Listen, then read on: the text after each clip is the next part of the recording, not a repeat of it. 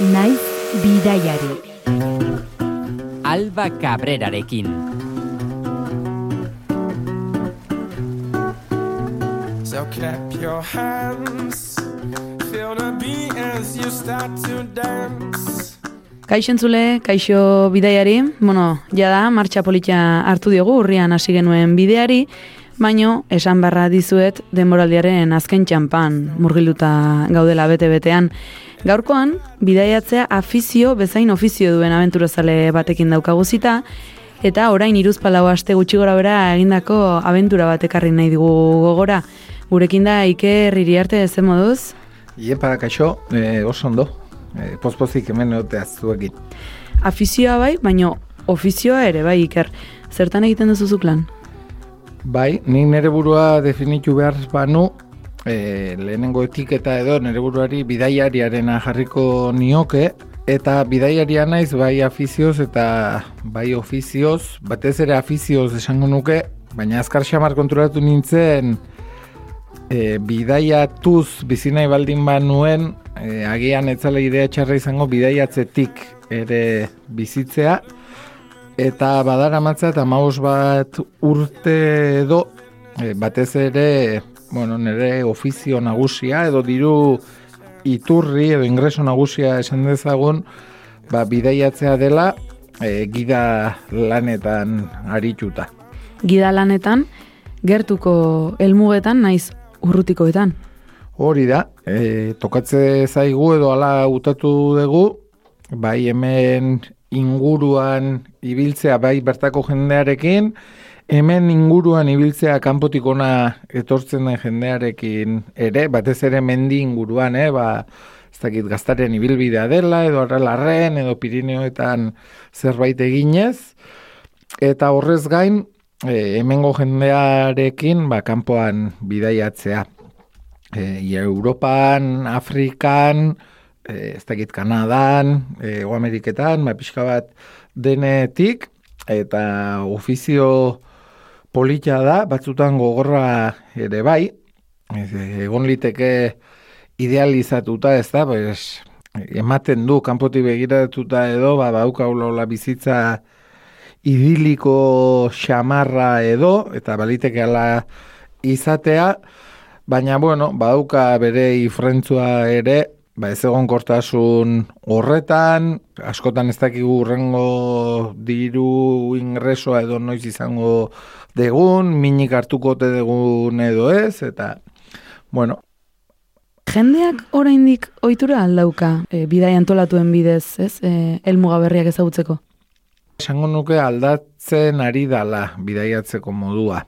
En, hori nik neuk ezagutu dut, e, gu bidaiatzen hasi ginenean, oain dela goi bat urte edo, Ba, egazkin txartel bat erosteko batetik, adibidez, egazkin txartelak oso garestiak ziren, edo bueno, ez dakit oso garestiak ziren, orain baino garestiagoak bidai agentzietan erosten zirala egazkin txartelak, informazio askoz gutxiago geneukala, e, zeukala jendeak, eta tokiak ez zirela hain, ez dakit, eskuragarrian irisgarri, gu geun baitxera joan behar baldin genuen, e, ba hori, bidaia agentziaren baten eosiko genuen egazkin txartelen bat, eta joan behar genuen toki hortako, e, lehen egondako, ba, norbaiten berri jakin, berarekin gehatu, mapak eskatu, informatu, ba, bazan ja bidaiaren parte, ez da, joan aurretik.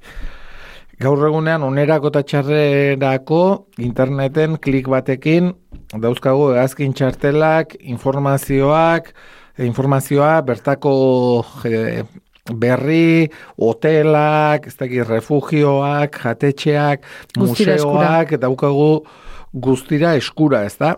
E, horrek dakartzan alde on eta txarrekin. Hau esan da, orain jendeak taldean bidaiatzen du. E, nik uste jendeari gustatzen zaiola e, batetik, bueno, ez dakit, agian e, zenbaitzuk, ba, ez dira, ez dute gehiagi bidaiatu eta badi hartute alako segurtasun moduko bat. Horrez gain beste batzuei ere, nik uste taldean bidaiatzea, ba, gustatzen zaiela taldean bidaiatze utxagatik, harreman berriak egin, jende berria ezagutu, bueno, beste e, zure harreman esparrori zabaldu, baina badagaude e, kilinka hortan e, atrebituko nitzatek esaten, aurrengo urteetan iruditzen zait e, areagotu egingo dala hori, belaunaldi berriok ere hizkuntzak hitz egiten ditugu, errestasun handiagoa daukagu gure aldetik gauzak nahi bezala antolatzeko, lehen esan dedan bezala, beraz hor, belaunaldi aldaketa hoiek eta ondoren datu zen belaunaldiek eta e, atrebituko nitzateke esaten aldatuko dutela bidaiatzeko modua edo gure bidaiatzeko modua esan dezagun, ez da, ba, gure munduko zatitxo hontan bizigaren jendearena antolaketaz jardun zara, orain iker, baino antolatzen baino improvisatzen hobea omentzarazu. Bai, e, askotan esan izan digute hori, bueno, antolatzen ere ez du esan nahi txarra garenik, baina gure guk antolatutako bidaien ezaugarrietako bat bai badela improvisazioa. Ez zait sekula gustatu izan e, ez ibilbideak itxiegiak eramatea, ez planak, ez lotako lekuak, eta horrek, bueno, e, esan dugun, ez da egit, inseguridade horretan edo pixka bat igeri egitea dakar, baina alde honak ere asko dauzka. E, egunean eguneko erabaki horiek hartzeak, improvisatzeak, bestela joango ez ginateken toki askotar eraman gaitu, bestela ezagutuko ez genuken jende asko ezagutzera eraman gaitu, eta bai, esango nuke, badela gure ezaugarrietako bat, bidaietan improvisazioarena, antolatzearena, agian ezain beste. bueno, bain juistu, antola kontzatik bezain improvisaziotik indako bidaia bat buruz hitz egitera etorri zara gaur, Iker, eta horretarako bridak eta zinta amerikarra ekarri dizkidazu.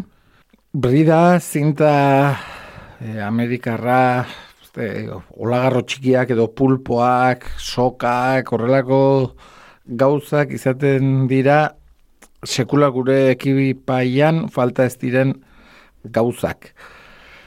Eta nora zoazenaren arabera garrantzia handiagoa e, hartu dezaketenak. Zenbait lurraldetan, zenbait herrialdetan, materiala, edo zerbait aztu baldin mazaizu, zerbait hausi baldin bada, zerbait erosi behar baldin bada, errexagoa da lortzen, beste herrialde batzutan ez da hain errexa, eta saiatzen naiz material horiek eramaten, Etxetik, bazpare. Etxetik, sekula falta ez daitezen, eta bridak, zinta amerikarrak, eta ba, apuro bat baino gehiagotatik atera izan gaituzte. Bidaia honetan ere?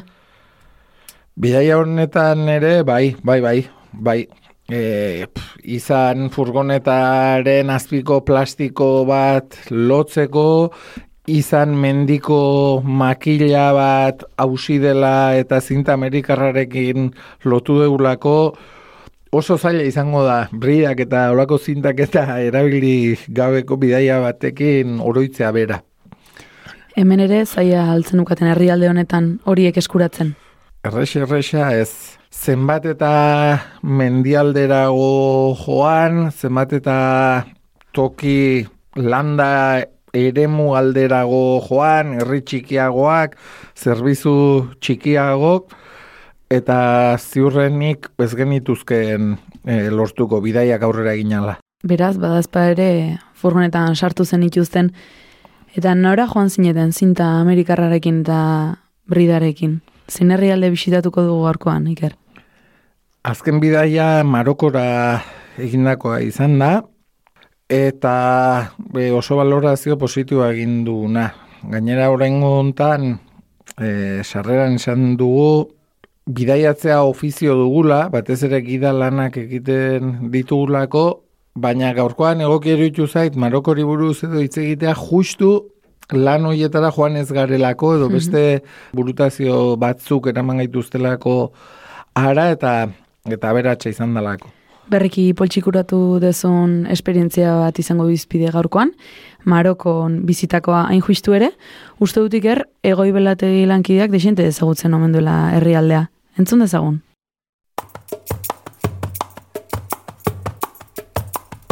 أرحمي يا راحت العقل ترحمي من شفات طال سقامي Urrunegi ez goaz akaso, baina mundu zeharo ezberdin bat ezagutzeragoaz, Marokoragoaz. فاطمة أرحمي يا راحت العقل ترحمي من شفات طال سقامي Maroko, ofizialki Marokoko erresuma iparraldeko Afrikan dugun estatu monarkiko bada. Arabieraz, Al Magrib deritzo eta oso antzeko ahoskera du amazigeraz, El Magrib. Bere hogeita mazazpi milioi biztan lehen hizkuntza nagusia Arabiera den arren, aditu gehienen arabera populazioaren bi eren inguru amazigala berber jatorrekoak direlako, tribu eta talde ezberdinetan banatuta. Hala ere, Arabiarra asimilatze prozesu bat eman da azken mendeetan gehiago ala gutxiago tokiaren arabera. صباح ضايع قامور كل واحد دار مقامور مهجتي وضحى Herrialde berezietan hitz honek eskaintzeko duen guztia azaldu, baino lehen ezin dugulako aipatu gabe utzi, Maroko gutxienez beste bi herri zapaltzen duen estatu bat dela Mohamed Seigarnaren agindupean. شعبي العزيز غدا إن Mohameden aita Hasan bigarrena entzun berri dugu, herritarrei mendebaldeko Sahararantz abiatzeko eskatuz, inbasio militar baterako eufemismoa baino ez. Mila bederatzeron eta irurogeita mabostean Espainiarrak kanporatu zituzenetik, mendebaldeko Sahararen zatirik handiena okupatuta duelako Marokok. Sahararren erdi bat bitartean, okupaziopean bizi dira eta beste erdia berriz Algeriako tindufeko kanpalekuetan. Bigarren frontea berriz, iparraldean duzabalik erresuma lauetak.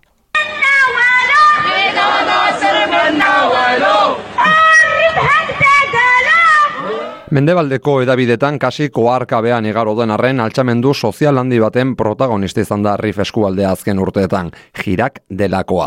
2000 eta zazpian jozuen puntu goren altxamenduak eta milak ekintzaile baketsu espetxeratuak izan dira ordutik. Hala ere, errepresioaren gainetik proteste jausten diete. Amazik jatorriko riftarrak nortasun eta antolaketa eredu propio izan baitute historikoki, eta Espainiar kolonizatzailei gerra bat irabazita errepublika independiente bat edukitzera iritsi ziren hogei garren mendeko lehen erdialdean.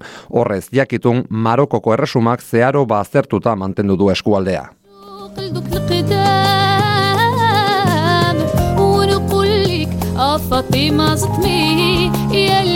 Baina zaitzala geopolitikak itxutu eta ez dezagun pentsatu Marokoarrak eta agintariak berdinak direnik, Marokok eta bere biztanlek egonaldi atsegin eta bero bat eskiniko baitiote bisitariei. Marokok ekialde eta hegoekialdean Algeriarekin egiten du muga, hegoaldean Mendebaldeko Sahara du, Mendebaldean Ozeano Atlantikoa eta iparraldean Mediterran itsasoa eta Espainiaren menpeko diren Zeuta eta Melilla hiriak. Azken bi hauek Marokorekiko duten muga eta esi hilgarriagatik bilakatu dira bereziki ospetsu.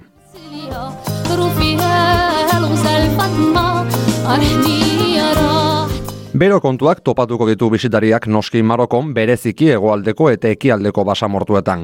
Baina aurreiritziek iradokitzen dutenaren orka herrialdearen iparraldea nahiko epela eta berdea da bereziki jebala eta rif mendikaten inguruan. Mendebaldean berriz Atlantikoak dezente harintzen du giroa.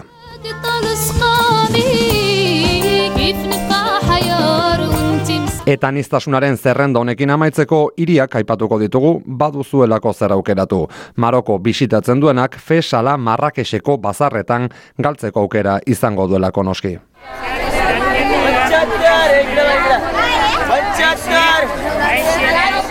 Baina baita ondartza bikainak agadirren eta laratzen Europar kutsudun hiriak rabaten eta Casablancan edota Tanger bezalako hiri bohemioak.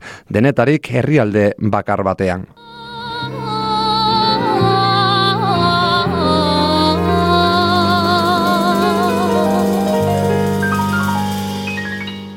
Dokumental baten ariari tira eginda, jozen duten zuek Marokora iker. Pablo Dendaluzerekin batera ondu dezu auzo langiltza. Bai, badara magu urte bete proiektu honekin, e, tolo, tolomendik, tolomendi da tolosaldeko landa garapenerako agentzia edo, eurek jozi duten lehenengo enbidoa esango dugu, e, auzolanaren inguruko gogo eta sakonago batzuen baitan eta proiektu potxolo baten baitan dokumental batek ere tokia eduki zezakelakoan, e, gorra hasi ginen dokumentalarekin, e, egin dugu urte bete, dokumentalak e, auzolana izango du izpide, e, izan uiko auzolana edo auzolan tradizionala, ez hori bakarrik, e, jarri gara etorkizunari begira, goita bat garren gomendean auzolanak e, medio urbanogoetan, e, toki, ez dakit, jendetsuagoetan, ea edukiote dezaken funtzio bat, ea transmitu ditu ote ditzakeen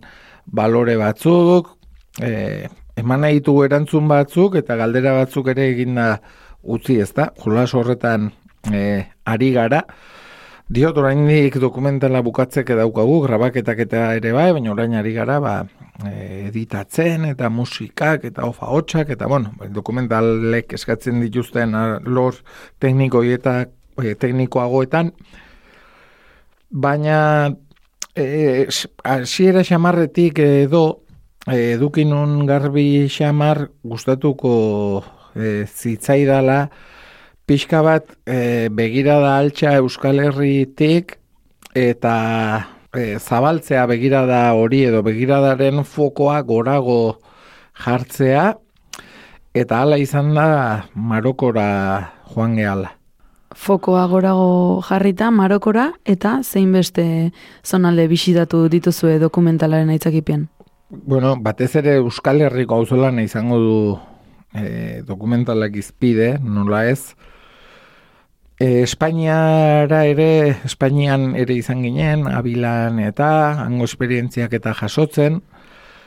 Eta horrez gain, e, bueno, Europan ere badaude auzolan tradizioak eta Irlandan, Austrian eta baina ez dakit gurearekin antzekotasun handiagoa edo eduki dezaketenak mundu e, oiek ere antzekotasun handigoa daukatelako.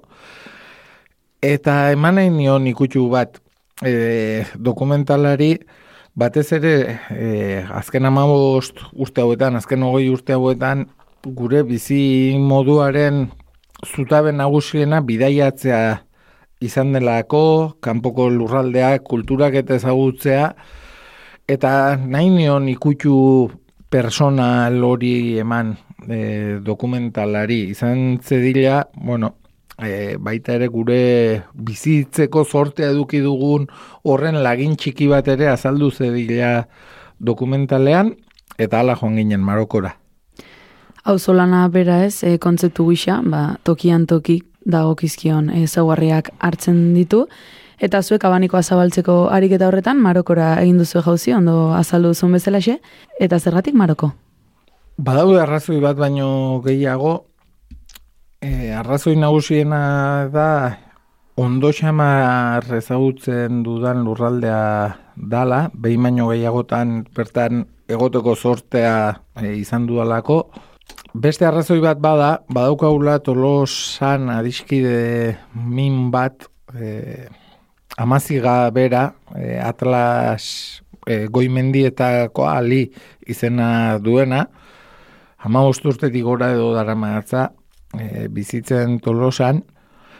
Eta lehenengo, bueno, galdera edo berari egin nion, e, beraren gana gerturatu ginen, ea e, bere beren artean, amazigen artean, eta baute zegoen auzolan jarduerarik gaur egun, nola egiten ote zituzten, horrelako e, kuriosidadearekin, ez da? Ari naiz esaten, ia, ba, orain dela urte bete edukinun e, izketaldia alirekin, eta berak emantzi izkigun lehenengo pista hoiek, baietz, e, egiten zutela hau lana, oraindik bizirik dagoen tradizio bat dela, beharrak ala eragin da, eta ala erabaki genuen e, Marokora jutea.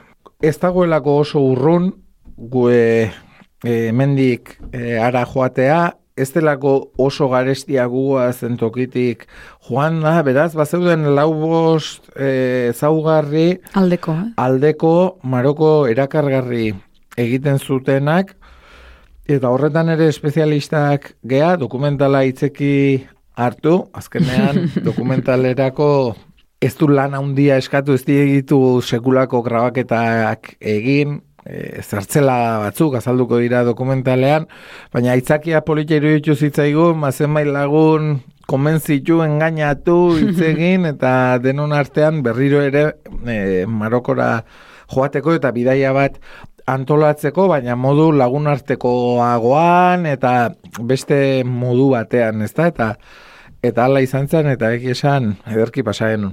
Zereginak eta plazerak naztuta, abiatu zinaten beraz aruntz. Bueno, Marokon errealitate asko elkar gurutzatzen dira, zuek nora jodezue, zehatz mehatz? Bidaia zabalagoa izan da, lagun batzuk joan ziren, e, itzuli ere bai, e, eta guk demora gehiago egin du bertan, bai dokumentalean azalduko dena Imlil herria dela, e, Atlaseko goi mendietan e, dagoen herriska bat, e, Atlaserako atea dela esan dezagun, lehen aipatu dudan ali e, laguna, e, tolosan bizi dena imlilekoa da, imlil alboan dagoen herriska oso oso txiki batekoa, eta ala joan ginen e, imlilera.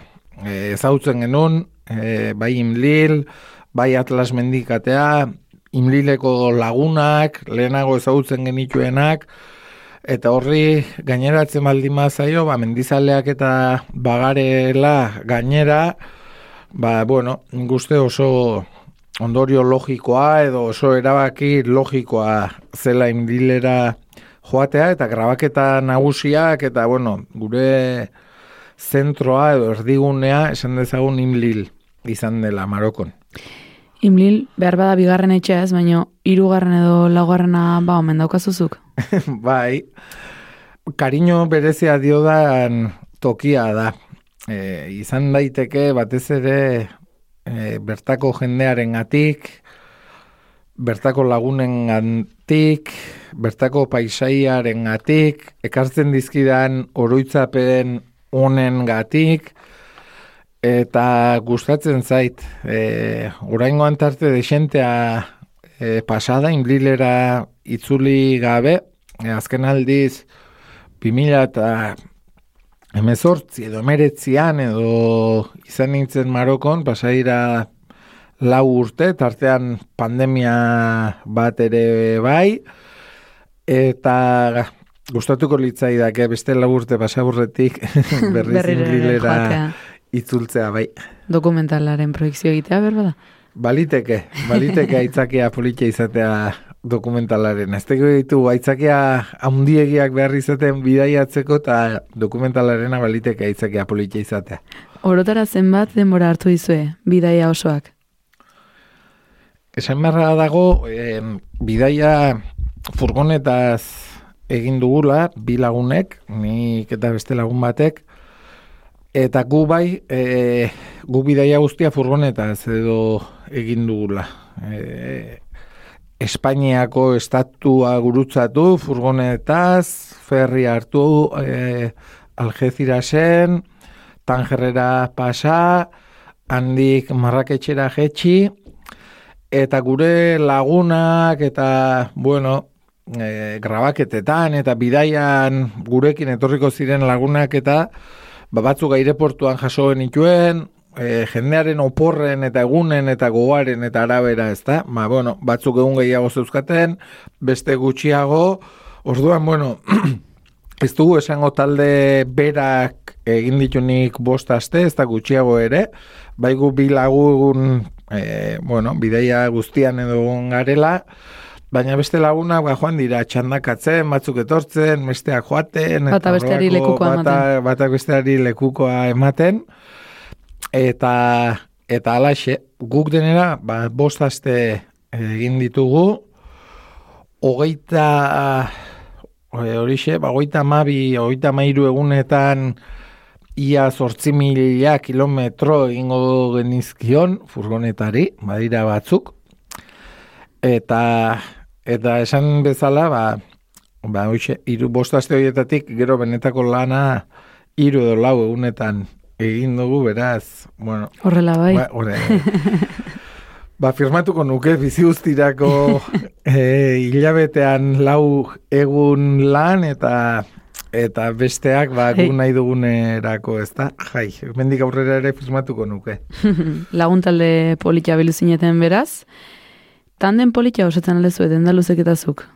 Bai, berari galdetu harko litzaioke, gero neitaz ze bentsitze dute duen.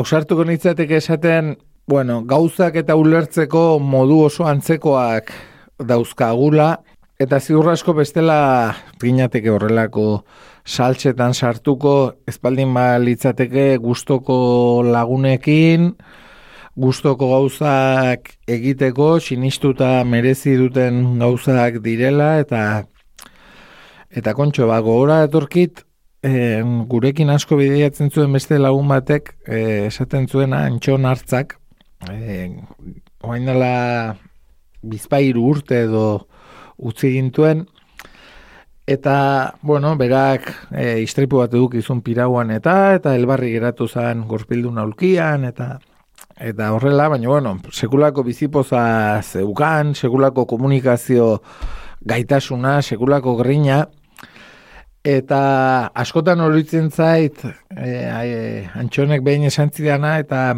eta esan zidan, berari ja, zitzaiola e, hainbeste inporta nora bidaiatu, ez nora bidaiatu, ez noiz, ez nola bidaiatu.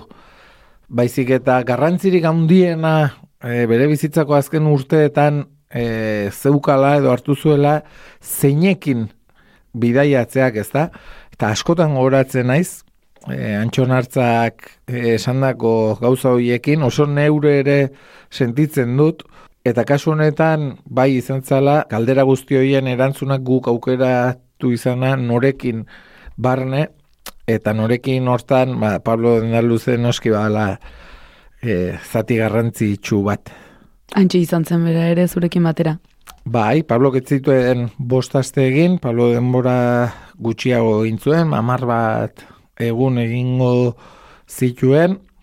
Lehenago ere dokumentalak eta grabatzen ibilia da, ez nirekin, eh? beste proiektu batzuetan, ja, badauzka Pablok kilometro batzuk eta, bueno, simur batzuk ere bai, kolpe batzuk ere bai, eta horrek esan nahi du, bueno, ba, otxuta dagoela horrelako bai bidaietara eta horrelako tokietan e, kamerarekin ibiltzera eta moldatzea ba, bertako jendearen gana gerturatzen, ez dakit, ez baita ara iritsi grabatu eta listo, ez da?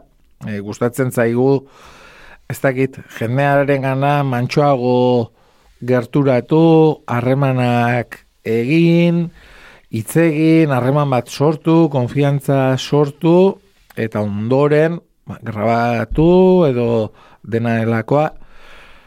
Eta Maroko bezalako lurralde batean are eta garrantzitsuagoa iruditzen zait eta hori ere e, bikain egiten du dendaluzek. Esan duzu nola Euskal Herretik abiatu zineten, furgonetan, Algezirasetik beste salto bat, ez? En, tangerrera eta tangerretik marraketxera iritsita behin, ba, pixka bat egoaldera imlilera jozen uten Atlas mendikatea oso ezaguna da dituen errepide biurgunetxu horiengatik. Nola moldatzen da bat, horren beste kilometro eta ordu egin ondoren horrelako errepideekin topo egitean.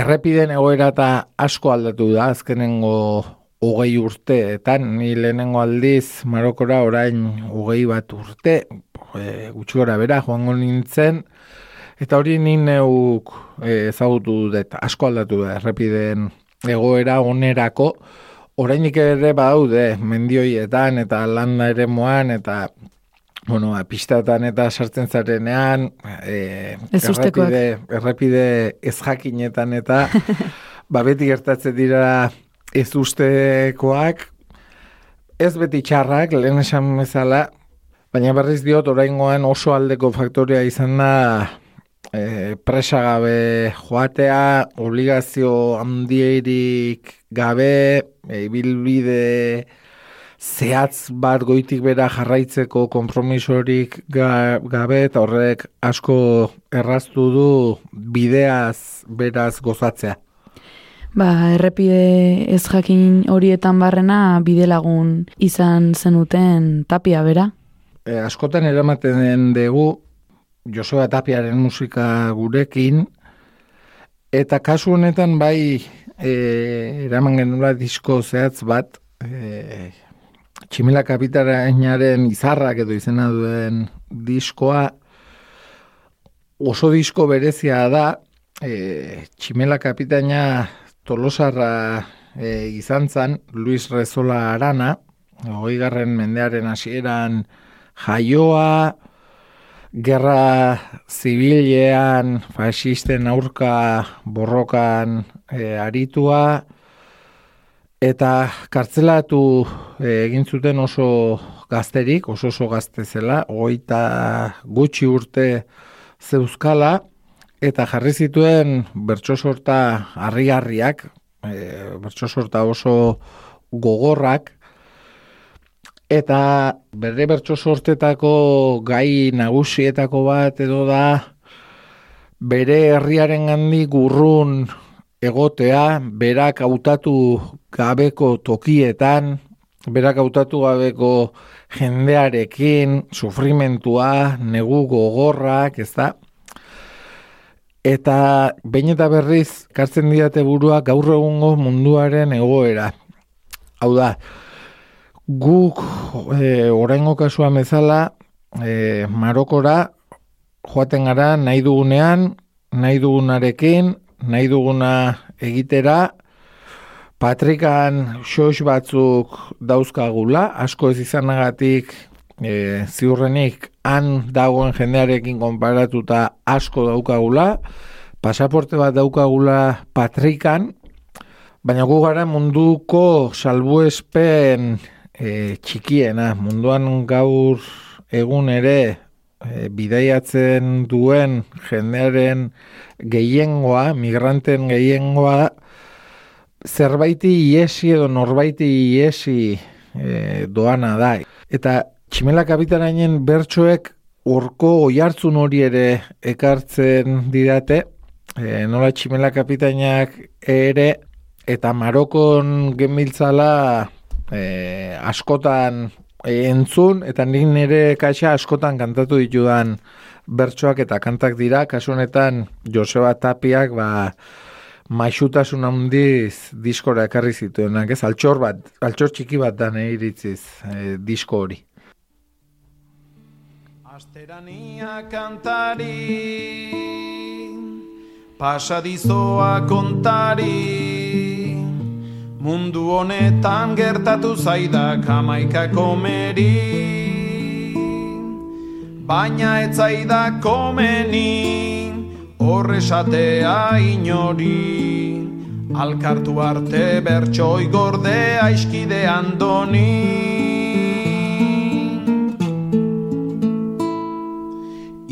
Inguruko bastar guzik Anai odole zigurtzik Gezurra dala esaten baitek bizkarren joitzik. Ikez hartu hoien gaitzik Lengo bideak jarraitzik. Baldin txapela aldatu badek ez padukak lotxik Tapiaren laguntzaz, iritsi gara gu ere Atlas mendikaten ateetara, inblilera injuiztu. Alpetan txamonix dena, Atlas mendikateetan inblil?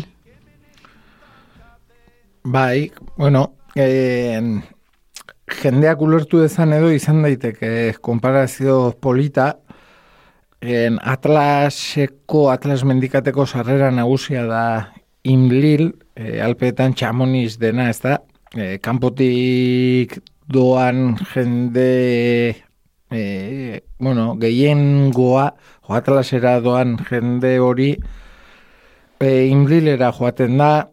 E, baude inblilen e, zerbitzuak mendiarekin oso lotuak hau da ma, gida kompainia txikiak materiala alokairuan jartzen duten dendak, refugioak, beraz, bada, e, konparazioa, konparazio, txamoniz e, txiki bat, imlil.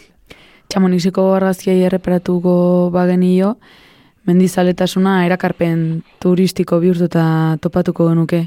Imlilen ere hori gertatzen alda. Bai, eta aprobetsatzen dute, e, Marokon bai e, nere begietan e, behinik behin oso nabarmena da e, Atlas iparraldearen eta hegoaldearen arteko divisoria muga banaketa hori e, Maroko iparraldean aprobetsatzen dituzte Atlaseko elurrak e, eta e, dakartzan ur e, oiek landaketarako e, bueno, aprobetsatzen dutela esango dugu, izan sagarrak landatzeko gerezi ondoren bat, e, aguakateak, jarri dira azken urte hauetan en, bueno, modan edo, bueno, gero ondo eta garesti xamar e, saltzen direlako batez ere Europa aldera bidalita, eta hori da imlilen eta e, atlasean Maroko iparraldean atrebituko nitzateke e, esaten biziraupenerako tresna nagusia, atlaseko ura. Horrez gain badago e, ez dakit industria apurren bat ere, kotxe fabrikaren batzuk, hemendik ara joandako autobus konpainiaren bat eta ere bai, autobusak egitera, eta gero dago turismoa. Imrileko kasuan, mendiarekin oso lotutakoa eta bertako biztanleek e, bueno, aprobetxatu dutena edo jakin dutena probetxua ateratzen edo saiatu direnak, ez da? E, bueno, Inlil bezalako eundaka herri daude Marokon, Inlilek sortea eduki du egon behar zuen toki horretan egotea, Atlaseko mendirik e, altuena, tukal izena du, Atlaseko mendi altuenak, egia lau mila eta berreu metro hauzka, eta haren uinetan egoteko sortea daukain lilek, eta bertako bizilagunek, ba, ba hori aprobetsatzen dute.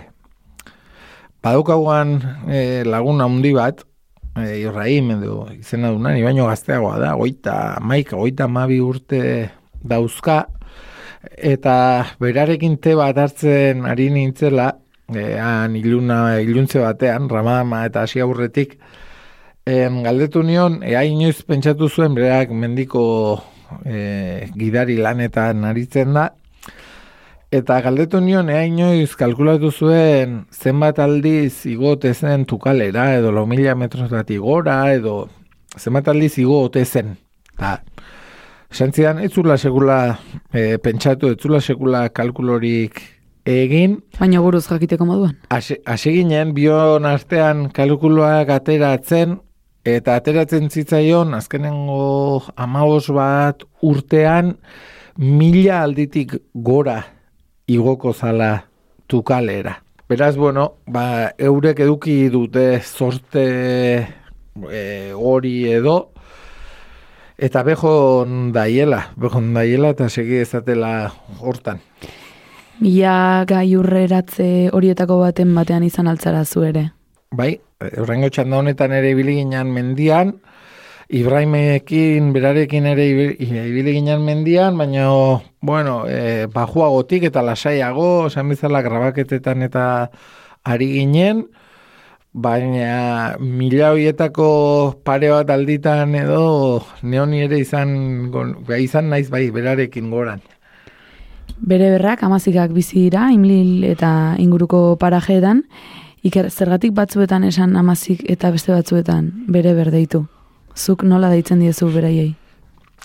Nik eh, ez dakit eh, eh, agian xaloegiak e, izaten geha batzutan e, euskaldunak edo ni behintzat bai bideiatzen dugunean e, romantiko egiak ere bai kasu honetan e, Afrika iparraldean eta Marokon daude amazigak, ezta?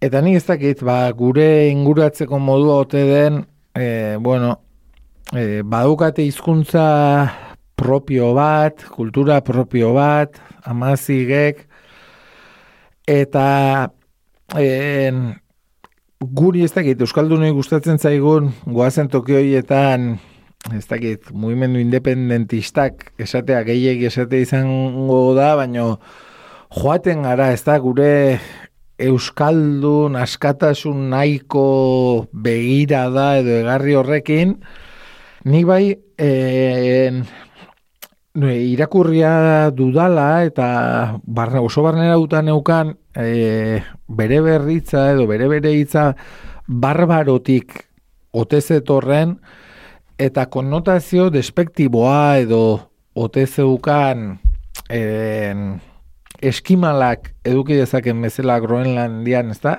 Eta inuitak izango e, omen litzateke modurik egokiena deitzeko.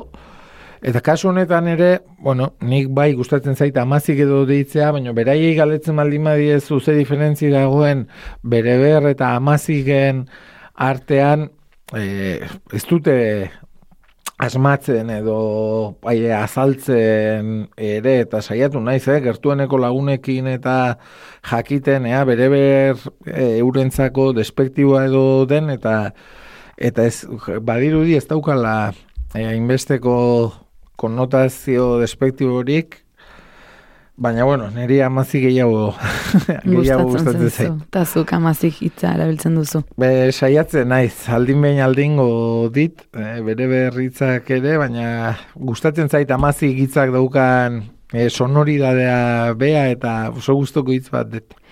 Bueno, amazik familiak edo komunitateak ez du muga politiko ez ulertzen, e, esan duzu nola Afrika iparraldeko zenbait herrialdetan e, dauden, tokian tokian ere pentsatzen dut nork bere zeugarriak eta ohiturak eta sinismenak garatuko zituztela, ezta? Bai, bai, bai, bai, ni ez naiz e, e, inundik inora ere aditua e, amazigen historian eta nik neuk nere bidaietan bizizan dakoa eta irakurri dudan apur hori dakit eta galdetutakoa gure lagunei, Gauza oso kurioso bat, e, amazikek bai badukate euren hizkuntza propioa, tamazik e, izena duena, baina orain gutxira arte, hogei garren mende amaiera arte, hau da, orain dela hogei tamar, hogei tamar urten arte, Ahoz, aho, belaunaldiz, belaunaldi transmititu den hizkuntza bat e, izan da alfabetorik gabea alfabetorik gabea. E, egun oraindik, e, gaur egun, e, tamazigez ez dago ez egunkaririk, ez libururik, ez dakit irrati programarik ere ez, eta ez ala arabiarrez, ez da, arabiarrez baude periodikoak, liburuak, noski, poesia liburuak, horrelako gauzak. Eta, bueno, nere belaunaldiko jendeak kurioso egiten zitzaidan, en, danek elkarrekin tamazik hizkuntzan e, hitz egiten dute, baina ez dakit e, irakurtzen.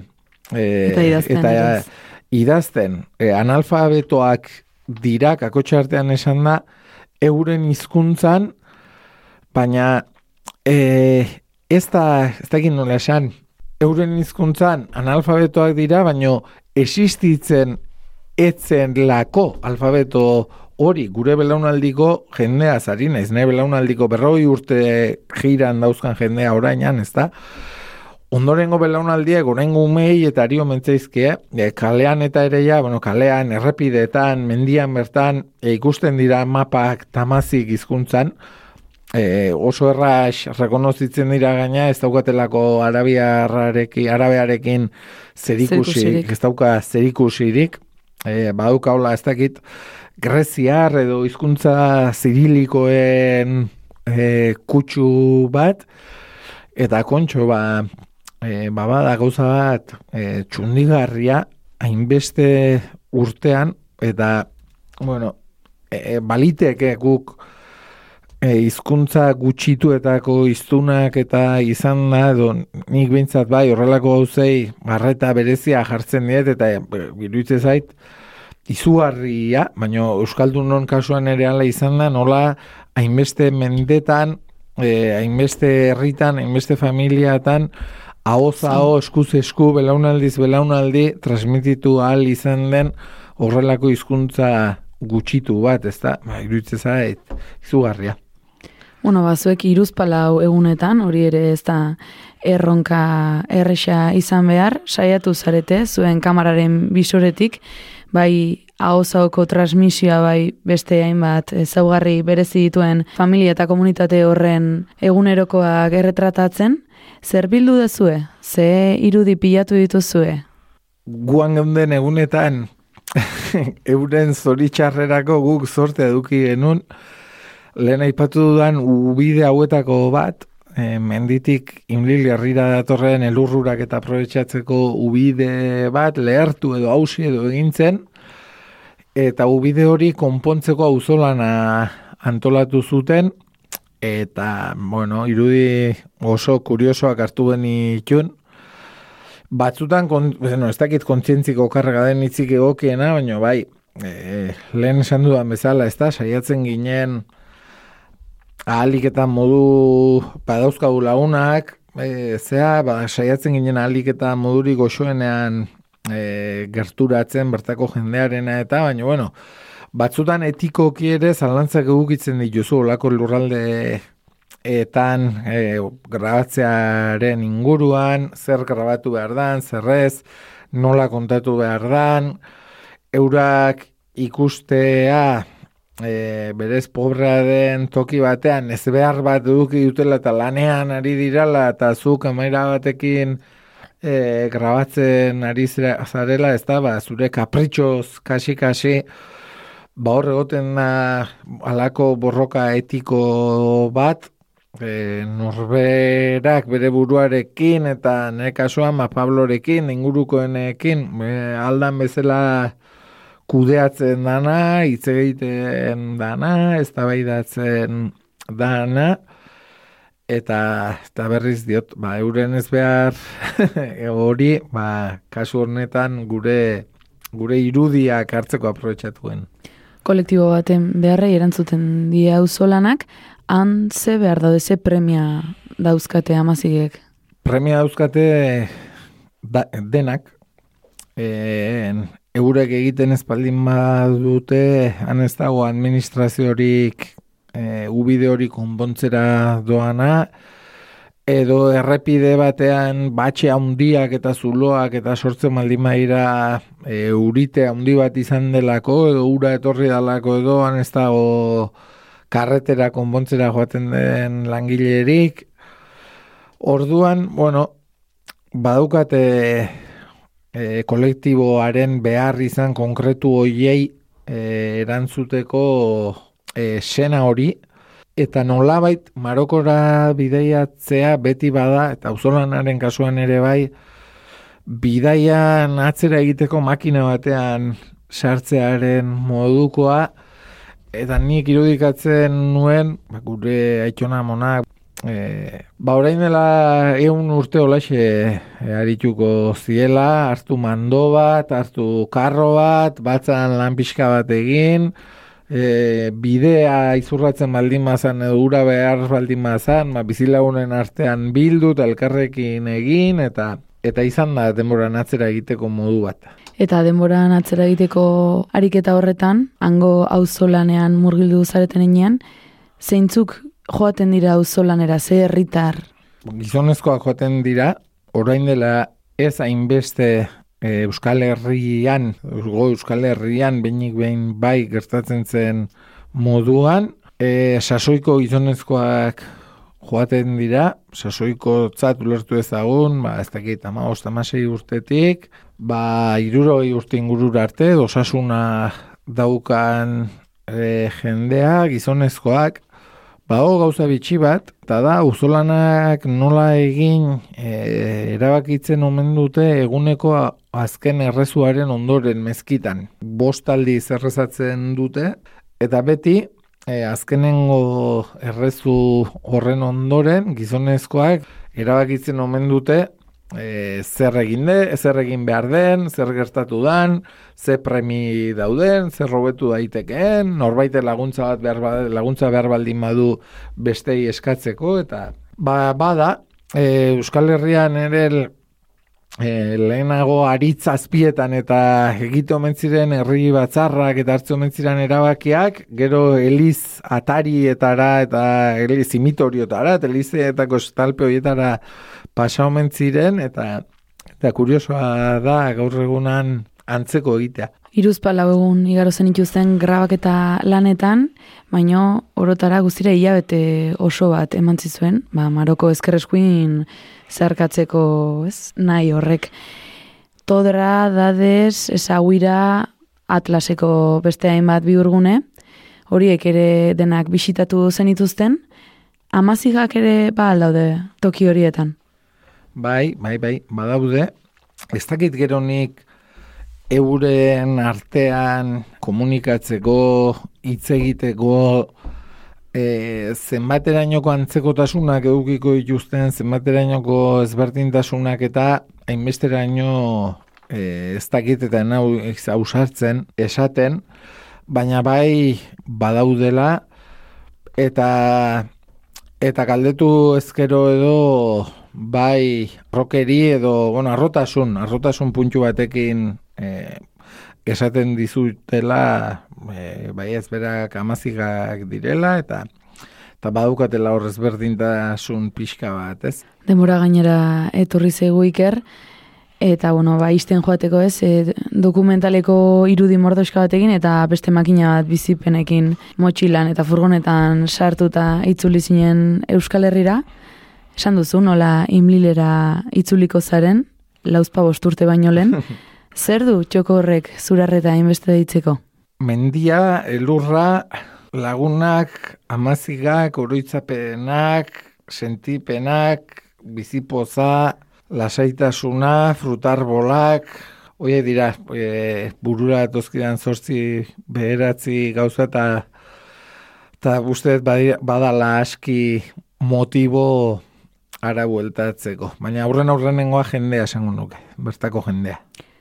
Horren arira ze gomendatuko zenioke zure antzeko esperientzia bizitzera joan nahi duen norbaiti? Gomendatuko nioke patxaraz joateko, e, saiatzeko irakurtzen eta pixka bat informatzen e, joan aurretik nora doan, galdu degun gauza bat da guri gure aurreko belaunaldiak eta erakutsi zigutena guk bideiatu behar genuenean lehen, e, esan dugu lehen ere, geratzen ginen lehenago lurraldea haietan izan da zegoen jendearekin, ematen zizkiguten liburuak, mapak, kontaktuak, egun dana hain hain hain eskugura edukitzeak, zenbait kasutan uste dut, e, karri digula, bueno, errespetua galtzea hitz potoloegia izango da agian, goazen toki horri, baina bai nola dana daukagun mobilean eta biz begiratzearekin da momentuan konpontzen ditugun eduki ditzea, e, ditzakegun zailtasun horiek, Usted bai ekarri digula goazen tokiekiko, ez dakit, desinteresa dan, errespetu galtze moduko bat, beraz doan eri hori aholkatuko nioke. Kontrara, zer etzen nioke gomendatuko? Ez nioke gom, e, gomendatuko presa, ez nioke gomendatuko e, ibilbide bat goitik bere itxita eramatea.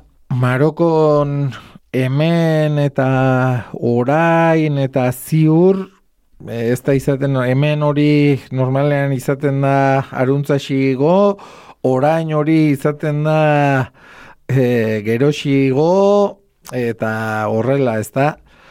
Beraz, eh, enioke gomendatuko burua itxigia eramatea edo, bueno, hain oso oikoa da, la, norbaitekin gehatze zea, be, eguarredik arratsaldeko lauretan, eta agian etzaizu azalduko. Eta gero arratsaldeko bosteterditan topatzen duzu kalean esaten duzu di, baina gau eta geunden arratsaldeko lauretan eta eta, bueno, pues, igual zaio, ez? Esan nahi dut, pues, dana da ginxala eta jainkoak o, alak nahi baldin badu eta alaren esku eta beraz e, ez de, ez dut uste gauza horiekin gehiagia serretu behar dugunik, naiz eta batzuetan pazientzia galtzea ere ez den harritzeko izaten. Ziegi da batzuetan, ez? Bueno, Iker, e, zuen dokumentalak leizter ikusiko orgia, ez? E, kozinatzen ari zarete oraindik, baino leizter izango du horren berri, ezta?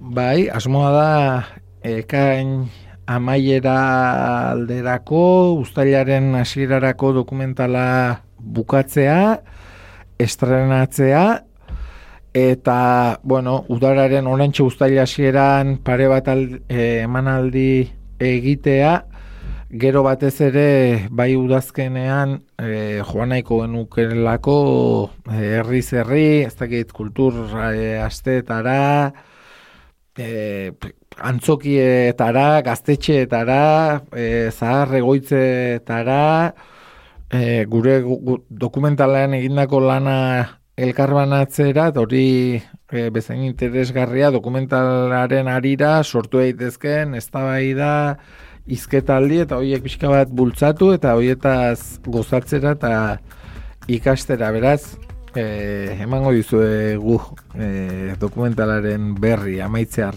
e, daukagunean. Ikusteko irrika zeungo gara. Iker iriarte eskerrik asko gurean izategatik. Ez horregatik. Ta nahi dezunen arte. Eskerrik asko. Gaurko zamaitugu entzule, baino badakizu azkenero daukazula zita gurekin, hemen naiz irratian, arratxeleko zazpietan, eta noiz nahi podcast plataformetan. Bide batez, ba, betiko lez esan, zure bideiaren berri eman nahi balin badiguzu, oso errexea daukazula idatzi lasai, bideiari abildua naiz irratia puntu bide elektronikora, eta hortxe izango baituzu zuen zuteko presbeti. Ondo izan, agur!